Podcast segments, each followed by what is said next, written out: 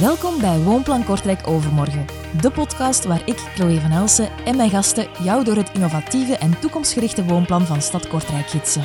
Het Woonplan van Kortrijk heeft als doel de stad te helpen groeien naar een meer duurzame, leefbare en verbonden woonstad, met aandacht voor groene ruimtes, betaalbaarheid en kwaliteitsvolle woningen voor alle generaties. In elke aflevering verwelkomen we experts en beleidsmakers om hun inzichten en ervaringen te delen en om te bespreken hoe Kortrijk de stad van de toekomst vormgeeft. Starters en gezinsvriendelijk wonen, hoe doe je dat? Daarover ga ik vandaag in gesprek met mijn gasten. We horen Sigrid de Frank, architect bij Veldhuis Architectuur, Jochen de Frank, aannemer bij Alto Interiors en Annelies Wiseur. Zij is vastgoedmakelaar bij Groep de Walen. Welkom Sigert, Annelies en Jochen. Mooie mix van profielen en van expertises. Welkom alle drie. Wij gaan het vandaag hebben over gezinsvriendelijk en startersvriendelijk wonen. Wat betekent dat precies voor jullie, die term gezinsvriendelijk wonen? Ik denk vooral kwalitatief wonen.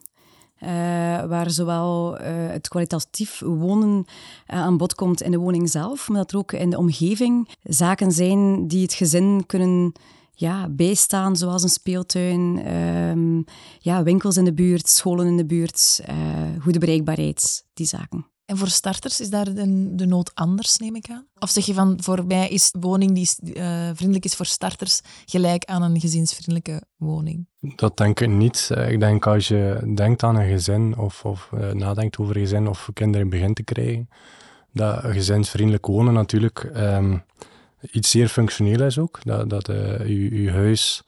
Uh, dat je daar makkelijk kan thuiskomen uh, met je kinderen. Uh, dat je daar ook veilig kunt slapen leggen uh, makkelijk kunt spelen, inderdaad. Um, en ik denk dat dat niet in de hoofden zit van een starter. Iemand die net van school komt, die heeft andere gedachten. Die wil s'avonds, als hij thuis komt van zijn werk, nog eens iets gaan drinken, naar het theater gaan. ik denk dat dat toch iets, iets anders is. Dus de faciliteiten in de omgeving van een starterswoning verschillen van die van een gezinsvriendelijke woning? Ja, zeker en vast. Wel, ja. Waar letten gezinnen vandaag de dag vooral op bij hun zoektocht naar een, naar een woning volgens jullie? de prijs. Ik ging juist zeggen, het start vooral met het eh, budget dat ze voorhanden hebben. En uh, dan kijken ze van, met dit budget, waar kunnen we het kwalitatiefst aankopen? En dat lijkt me wel een uitdaging hè, vandaag. Absoluut. Als ik voor mezelf spreek, of als ik voor mijn gezin spreek, waren wij wel altijd op zoek naar een, een plek waar je kan, kan wonen, waar je kan dromen, waar je je, je op je gemak voelt. En uiteraard is die prijs belangrijk. Uh, maar ik zou nooit ergens kunnen wonen alleen maar omdat het goedkoop is. Dat is ook ergens evident, denk ik. En hoe kan, jullie zeggen van het is belangrijk waar dat die woning zich eigenlijk bevindt in functie van de faciliteiten die daar rond zijn. Hoe kan een stad faciliteren dat het aantrekkelijker wordt voor gezinnen om ergens te gaan wonen? Ah, ik denk dat de stad in, in C um, over die faciliteiten sowieso al interessant is.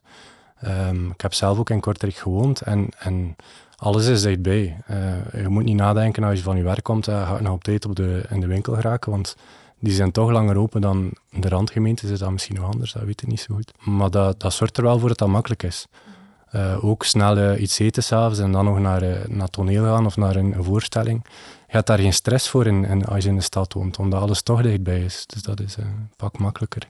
Ik denk ook, Kortrijk is een, een heel compacte stad die uh, de jongste ja, 15, 10, 15 jaar heel veel geïnvesteerd heeft in zijn stad.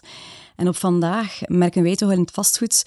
Uh, vroeger promotoren hadden wel wat schrik om te investeren in Kortrijk, toch in het begin van mijn carrière. Um, en ik zie nu dat Kortrijk vandaag een heel sexy stad is, zoals ze zeggen. Puur omwille van het feit dat er heel veel geïnvesteerd is, dat er ook een heel sterke visie is. Waarbij dat we ook wel merken dat op vandaag wel zijn vruchten afwerpt. Zowel vroeger starters die na het studentenleven in Gent bleven, bijvoorbeeld, die komen terug naar Kortrijk. één een reden wel omwille van het feit dat Gent onbetaalbaar geworden is, maar ook omwille van het feit dat Kortrijk heel aantrekkelijk geworden is, ook heel veel te bieden heeft. Dus voor starters zonder kinderen denk ik wel dat we naar de toekomst toe, vooral met de studenten, dat we aan het lokken zijn naar Kortrijk of dat we als toch op vandaag een trekpleister zijn voor bepaalde richtingen, dat er heel wat studenten gaan blijven in Kortrijk, omwille van het feit dat we echt wel heel veel faciliteren. Ik vind het ook belangrijk, ik weet uh, vroeger, ik ken veel mensen die in Gent hebben blijven hangen na de studies, die daar dan starten met een gezin, maar die dan op, een, op den duur eigenlijk vertrekken uit Gent, omdat dat een verkeersknooppunt en een chaos wordt. En ik heb de indruk hier in Kortrijk dat dat eigenlijk nog niet zo is. En voorlopig denk ik dat dat voor Kortrijk een, eh, een, een grote troef is. Mhm. Ja, mobiliteit is inderdaad ook een heel belangrijke factor in, in het verhaal.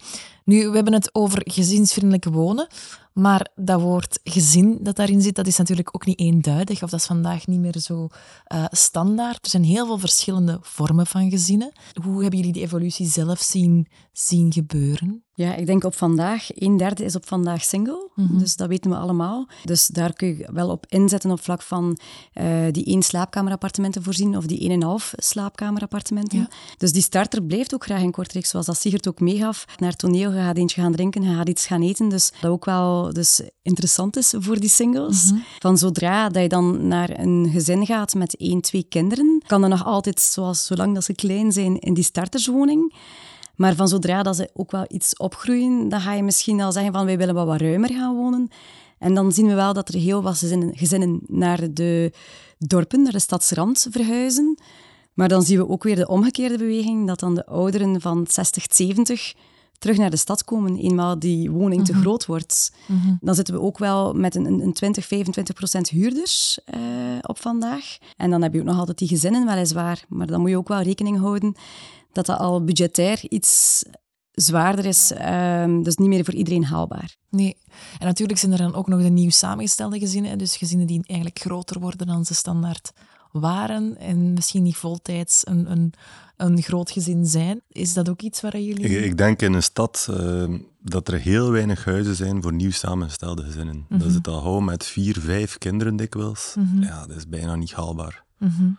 um, oude burgerswoningen? Ja, maar dan zijn we weer al heel hoog in prijs aan het gaan. Hè. Allee, en meestal allee, nieuw samenstelde gezinnen, dat zijn bij wijze van spreken ook starters. Hè. Dus dat is zo... Ik vind dat nog een dubbeltje.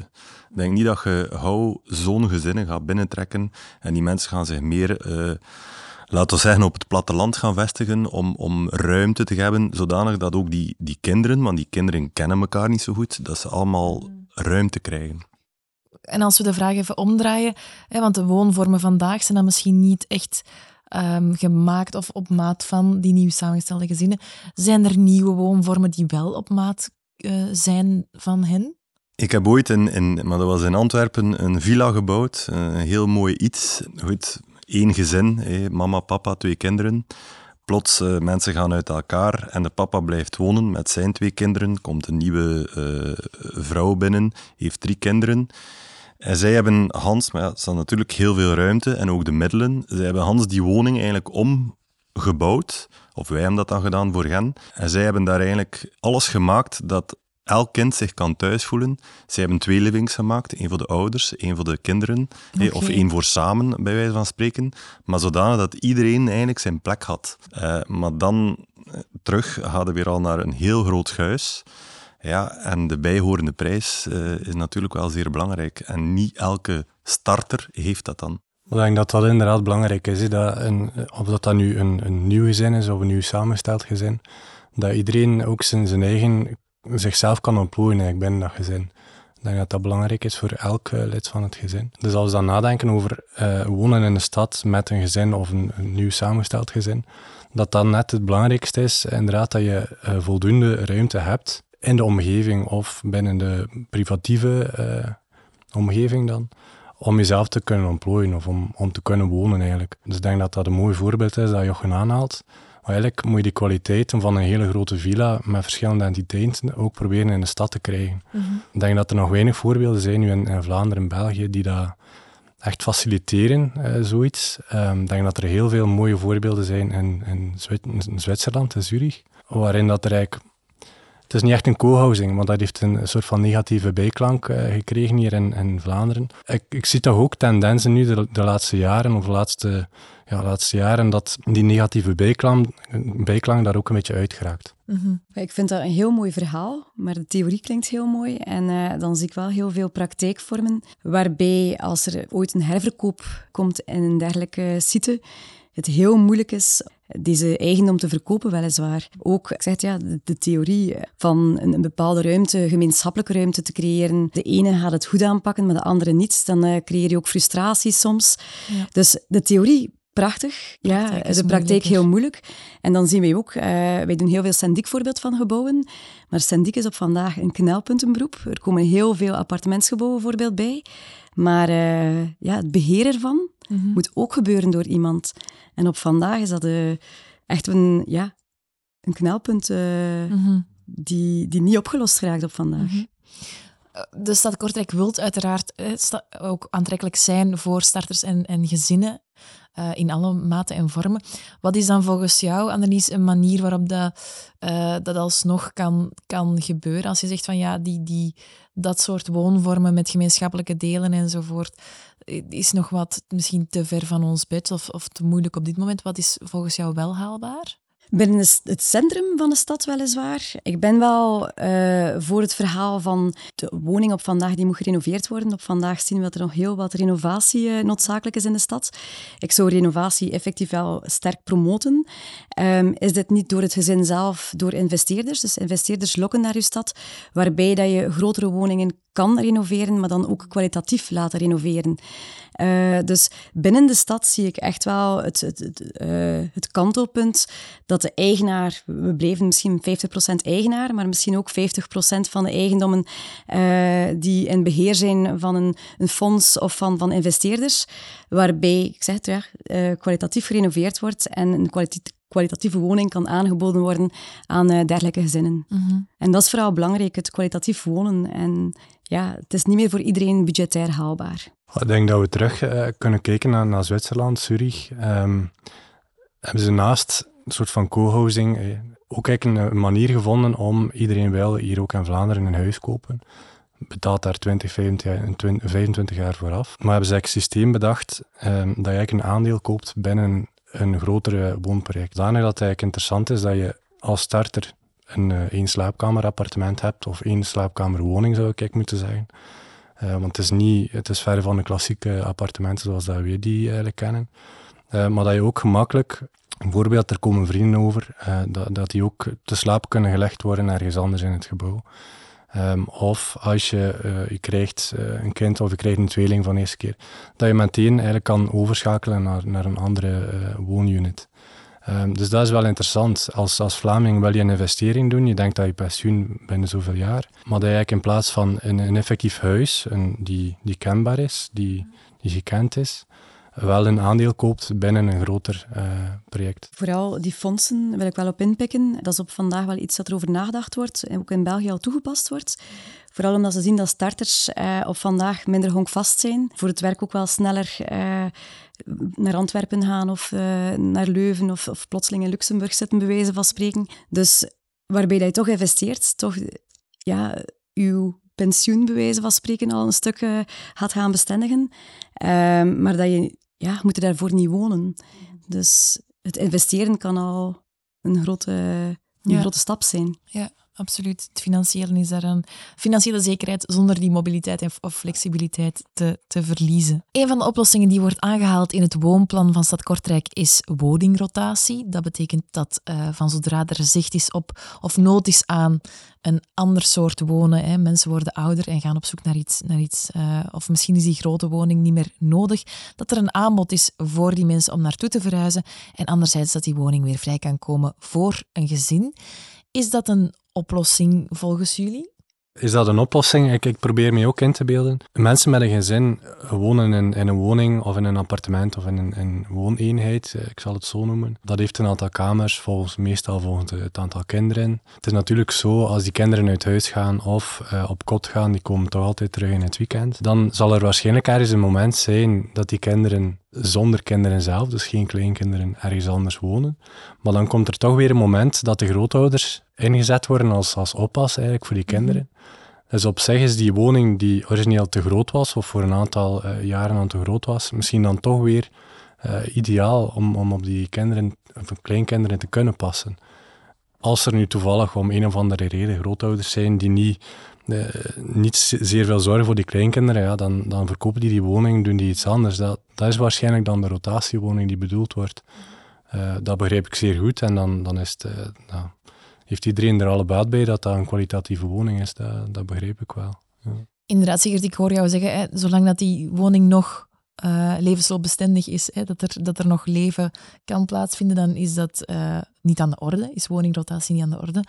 Maar Annelies, misschien vanuit jouw expertise aan de vraagkant, wanneer kan woningrotatie wel relevant zijn? Ik ga zeggen, bij ons thuis zien we nu ook wel de ouders, de grootouders zorgen voor die kleinkinderen. Dus die woning blijft functioneel. Het is ook aan de ouders een stuk om hun gezin samen te houden. Dus met feestdagen en dergelijke is het altijd aangenaam dat je naar je ouders kunt gaan, dat ze nog de ruimte bieden. Natuurlijk, niet iedereen ehm, kan dat effectief ook nog aan uh, om zijn kinderen thuis te ontvangen, uh, om voor die kleinkinderen te zorgen. Ook op een bepaald moment, eenmaal tieners, die gaan ook minder dan naar de grootouders. Dus ik denk dat dat misschien wel een kantelpunt dan kan zijn, om te zeggen van oké, onze woning of onze woning wordt te groot. Het onderhoud wordt ook wel wat lastiger. Die kamers boven worden niet gebruikt, moeten ook wel gepoetst worden. Die tuin, hoeveel keer ga je op het einde van je tuin gaan staan enkel om het te onderhouden. Dat is misschien wel een kantelpunt om dan te zeggen van wij verkopen onze woning en we gaan toch naar een appartement. Maar dan is het ook wel heel belangrijk, stel dat je in een dorp woont als, als Rollegem bijvoorbeeld, dat je ook alles op wandelafstand hebt. Dat je kunt gaan lunchen eens over de middag. Uh, dat er een, een OC dicht is om een concert te volgen. Bakkerslager op wandelafstand.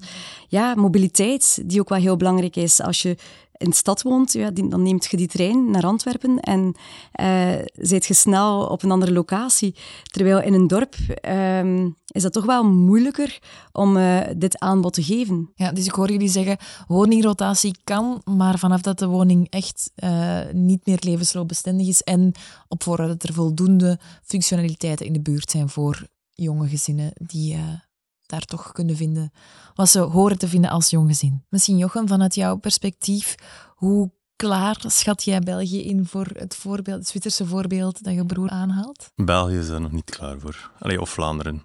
Ik denk dat een Vlaming zit nog altijd met zijn baksteen in zijn maag en denkt, ik moet iets hebben van mezelf. En dat deelverhaal is een heel mooi verhaal. Hè. En, mm -hmm. dat is echt zo. Maar een mens wil nog altijd, ah, dat is hier van ons, dat is ons stuk grond of onze woning of ons. We gaan dat uh, niet gaan delen. Het enige waar ik wel meer en meer in geloof, dat is dat je uh, tuinen deelt. Hè. Dus dat dat echt uh, samenvloeit in elkaar. Of dat je, het mooiste voorbeeld is als je mooie site hebt, zitten er allemaal woonunits op, ik ga het zo zeggen. Mogen daar zelfs torens op staan met eigenlijk appartementen, maar ook vrije huizen maar dat niemand nog een tuin heeft. Dat dat overloopt in elkaar, daar geloof ik heel hard in. En dan kunnen gaan naar dat verhaal van Zurich. Oké, ik wil in een appartement wonen, of ik heb drie kinderen, ik wil eigenlijk in een huis wonen, maar wel meer op dezelfde site. Daar geloof ik wel heel hard in. Maar ja, zo dat niet meer van u is en zo dat delen. En, en denk niet dat dat uh, in Vlaanderen of in België eigenlijk al uh, rijp is, dat idee. En vooral ook het tuinverhaal ben ik absoluut mee akkoord. Dat is ook eh, een, een trend die op vandaag ook wel al gestart is. Um, maar het moet nog altijd een heel klein stuk privé zijn. Dat is absoluut belangrijk, denk ik. Dat alle privatieve tuinen, zeg maar, dat die, dat die toch groot genoeg zijn voor je gezin. En als er dan eens uh, gevoetbald moet worden of, of gevolleybald of zo in de tuin, dat dat dan gedeeld kan zijn. Ik denk dat dat net het idee is, ook in, in Zurich. Uh, Dus ik mhm. denk dat we Jochen alle twee hetzelfde zeggen, maar uh, van, vanuit een andere invalshoek een beetje. Moet dringend een keer naar Zurich gaan. Blijkbaar. We zitten met een, uh, met een grote fan. we hebben het nu heel veel gehad over jonge gezinnen en waar zij naar op zoek zijn. Uh, maar we hadden het eerder ook al over die starters, hè, young professionals die uh, klaar zijn met, met studeren en de arbeidsmarkt betreden. Naar wat zijn zij vooral op zoek? Ik denk dat die mensen gewoon op zoek zijn naar een, een slaapplaats. Dat dat meer, allee, die mensen eten niet thuis. Mm zijn continu aan het werken, want ze willen zich bewijzen op eh, werkvlak. Ze hebben geen kinderen. Ze hebben al dan niet een relatie, hè, dus dat, dat, dat, is nog uh, volop uh, zoekende, ik ga het zo zeggen. Dus die mensen moeten geen huis hebben om zich te settelen, uh, willen dat misschien wel. Ze willen ergens thuiskomen, ze willen ergens op hun gemak zijn om hun, laten we zeggen, zondag door te brengen.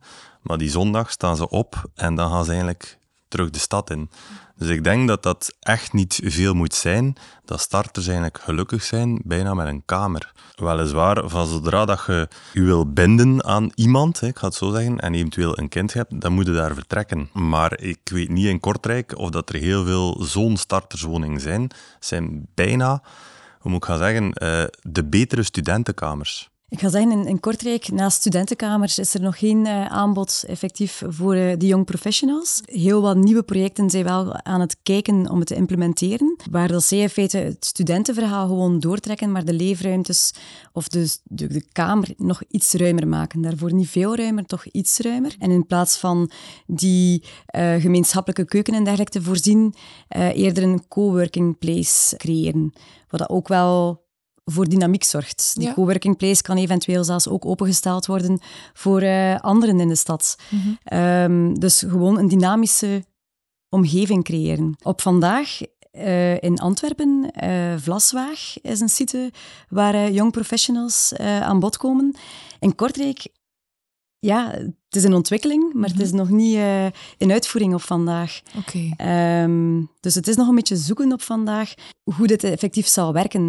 Ik ben wel overtuigd met de studenten op vandaag dat we op vandaag eh, toch een trekpleister zijn voor studenten. Die Erasmus-studenten vooral, zie ik daar uh, groep, zich groeperen. Ik zie het minder naar de mensen die er effectief wonen. Maar ik denk dat meer moet gefocust worden op die Erasmus-studenten, die buitenlandse studenten.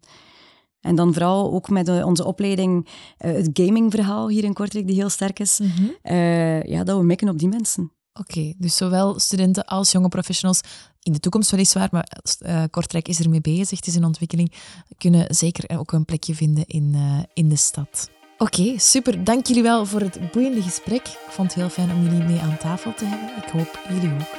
Dank u wel. Dank u wel. Graag gedaan. Bedankt om te luisteren naar deze aflevering van Woonplan Kortrijk overmorgen.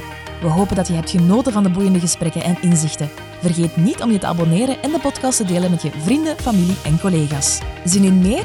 Schrijf je in voor Vastgoeddag Kortrijk op 22 juni en zak nog dieper in de thema's van wonen in het Kortrijk van overmorgen. Meer info op kortrijk.be-vastgoeddag. Tot de volgende keer!